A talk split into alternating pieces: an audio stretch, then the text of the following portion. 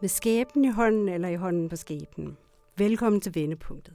I dag har vi tre kvinder i studiet. Velkommen til Christine, Sine og Hanne. Hej. Hej.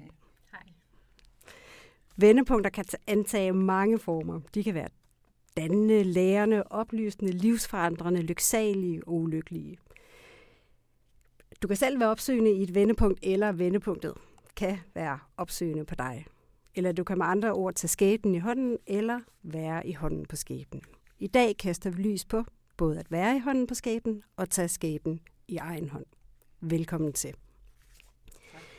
I har alle tre fået de samme spørgsmål. Hvad skete der? Hvad gjorde vendepunktet ved dig?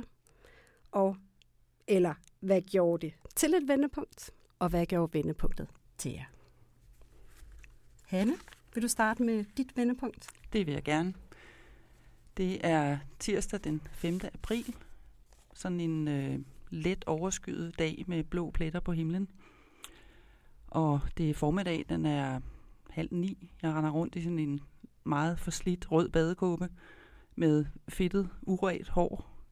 Jeg har en fridag, og pludselig ringer det på døren. Mm. Jeg åbner døren, og ude på trappen, der står to betjente. En lidt ældre og en unge, en yngre, formentlig en aspirant. Og i det øjeblik, der fryser mit blod til is. Øhm, og jeg bliver svimmel, og jeg træder tre skridt tilbage og sætter mig på trappen op til første sal. Den næste betjent spørger, om han får lov at komme ind, og jeg siger selvfølgelig ja. Og så stiller han spørgsmålet, har du en søn, der hedder Morten? Og jeg siger ja. Og han siger så, at han er blevet kørt ned og kørt til intensiv på Rigshospitalet. Wow. Og hvad var det præcis, der gjorde det til et vendepunkt? I det øjeblik, nærmest da jeg så betjentene, der vidste jeg, at min livsbane nu var forandret for evigt. At øh, det, der var mit eget liv og den vej, jeg gerne havde villet, den blev nu hans liv. Mm. Øhm, og at der nu vil komme en lang periode. Jeg vidste jo ikke, hvordan det ind ville ende, men der vil komme en periode, der vil blive defineret af ham. Og det kom til at holde stik. Øhm, han lå i koma i et halvt år, og så skulle han til, kan man sige, jeg tog en omgang mere i karusellen. Han var 23 år og læste på RUK og var næsten færdig med en naturvidenskabelig uddannelse. Nu skulle han så til at lære at synke, trække vejret, spise, tale, stå, gå og sidde. Og øhm, øhm, det var vigtigt for mig at bidrage til at designe et liv for ham, som var et liv, altså ikke, ikke øhm, sat af rammerne af institutionerne i velfærdssamfundet, men et liv i ordets eneste forstand, som er grænseoverskridende og undersøgende. Øhm, og det har jeg jo så forløbet brugt 16 år af mit liv på. Ja. De sidste seks år har jeg så fået mit eget liv tilbage igen. Så jeg vil sige, at vendepunktet tog 10 år at gennemføre, før, før jeg var på den anden side af det vendepunkt. Og det er så lykkedes, vil jeg sige. Ja, og hvad har det gjort, hvad har det gjort ved dig i dag? Åh, hvad har det gjort ved mig? Øhm, jeg har lært en masse, som jeg gerne ville have været for uden. Altså, det, jeg, jeg øhm, har fået en oplevelse af at være på vinderholdet, blive sat af vinderholdet og blive sat på taberholdet.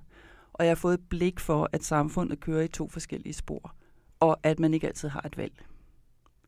Så øhm, øh, dels en masse stolthed over, at jeg lykkedes øh, med nogle ting, og dels en masse fortrydelse over, at det var det, jeg skulle lykkes med. Mm. Fordi det var noget andet, jeg heller ville være lykkes med i mit liv. Tak, Hanne, for at dele. Det er faktisk lige vigtigt at sige her, at historierne, de står for sig selv lige nu. Og øh, Signe, Ja. velkommen til. Jo, tak.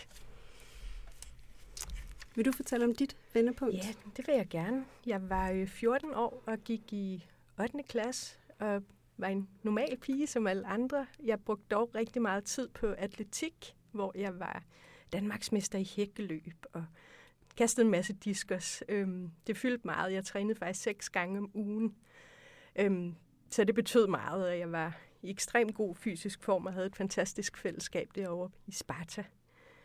Øhm, og så skal jeg til årets første stævne på et stadion ude i Ballerup.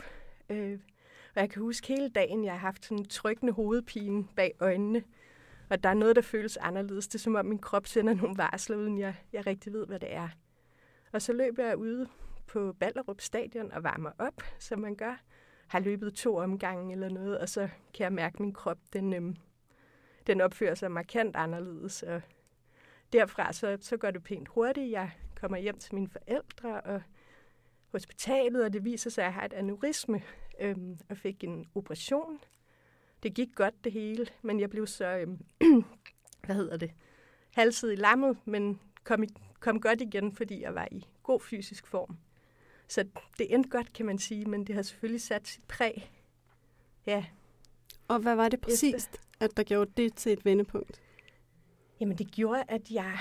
Man, man, det, det er sådan lidt dobbeltsidigt. Øhm, bagefter så betragtede jeg på en eller anden måde livet lidt på afstand. Jeg kan huske, at jeg så anderledes på folk i min, i min klasse, og jeg blev også lidt mere indlukket. Og samtidig så hidede jeg enormt meget efter normalitet, så jeg startede gymnasiet kort tid efter, og var måske med til endnu flere fester end alle de andre. Og måske burde man tage det roligt efter sådan en omgang med at drikke alkohol, men der var der næsten flere fester for mig end for andre. Jeg skulle også lige starte med at ryge cigaretter, så der var den her dobbelthed i bare, at det skulle være så normalt og sjovt, og samtidig lige have fået lidt mere alvor med.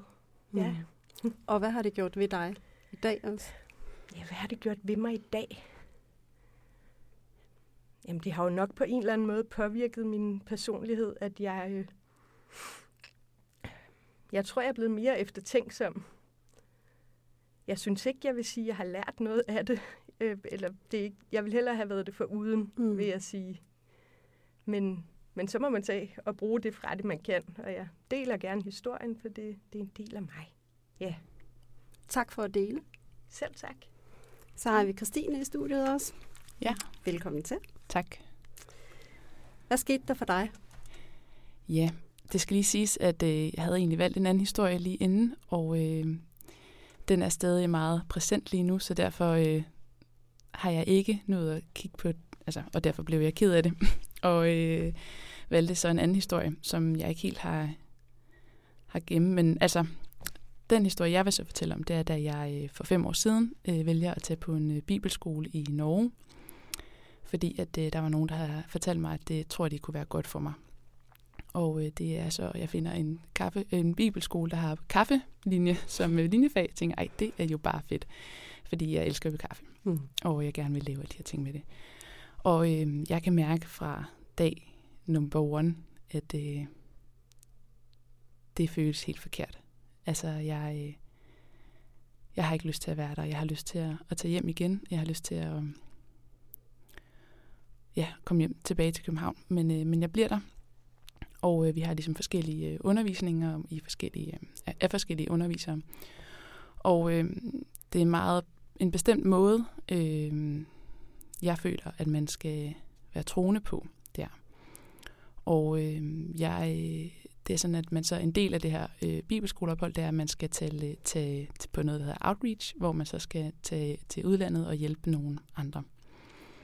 Og øh, jeg elsker at hjælpe andre, men øh, jeg øh, vælger simpelthen at øh, afbryde opholdet, og øh, tage, i stedet for at tage ud og hjælpe andre, tager jeg til et øh, retrætested i Skotland øh, for at øh, hjælpe mig selv.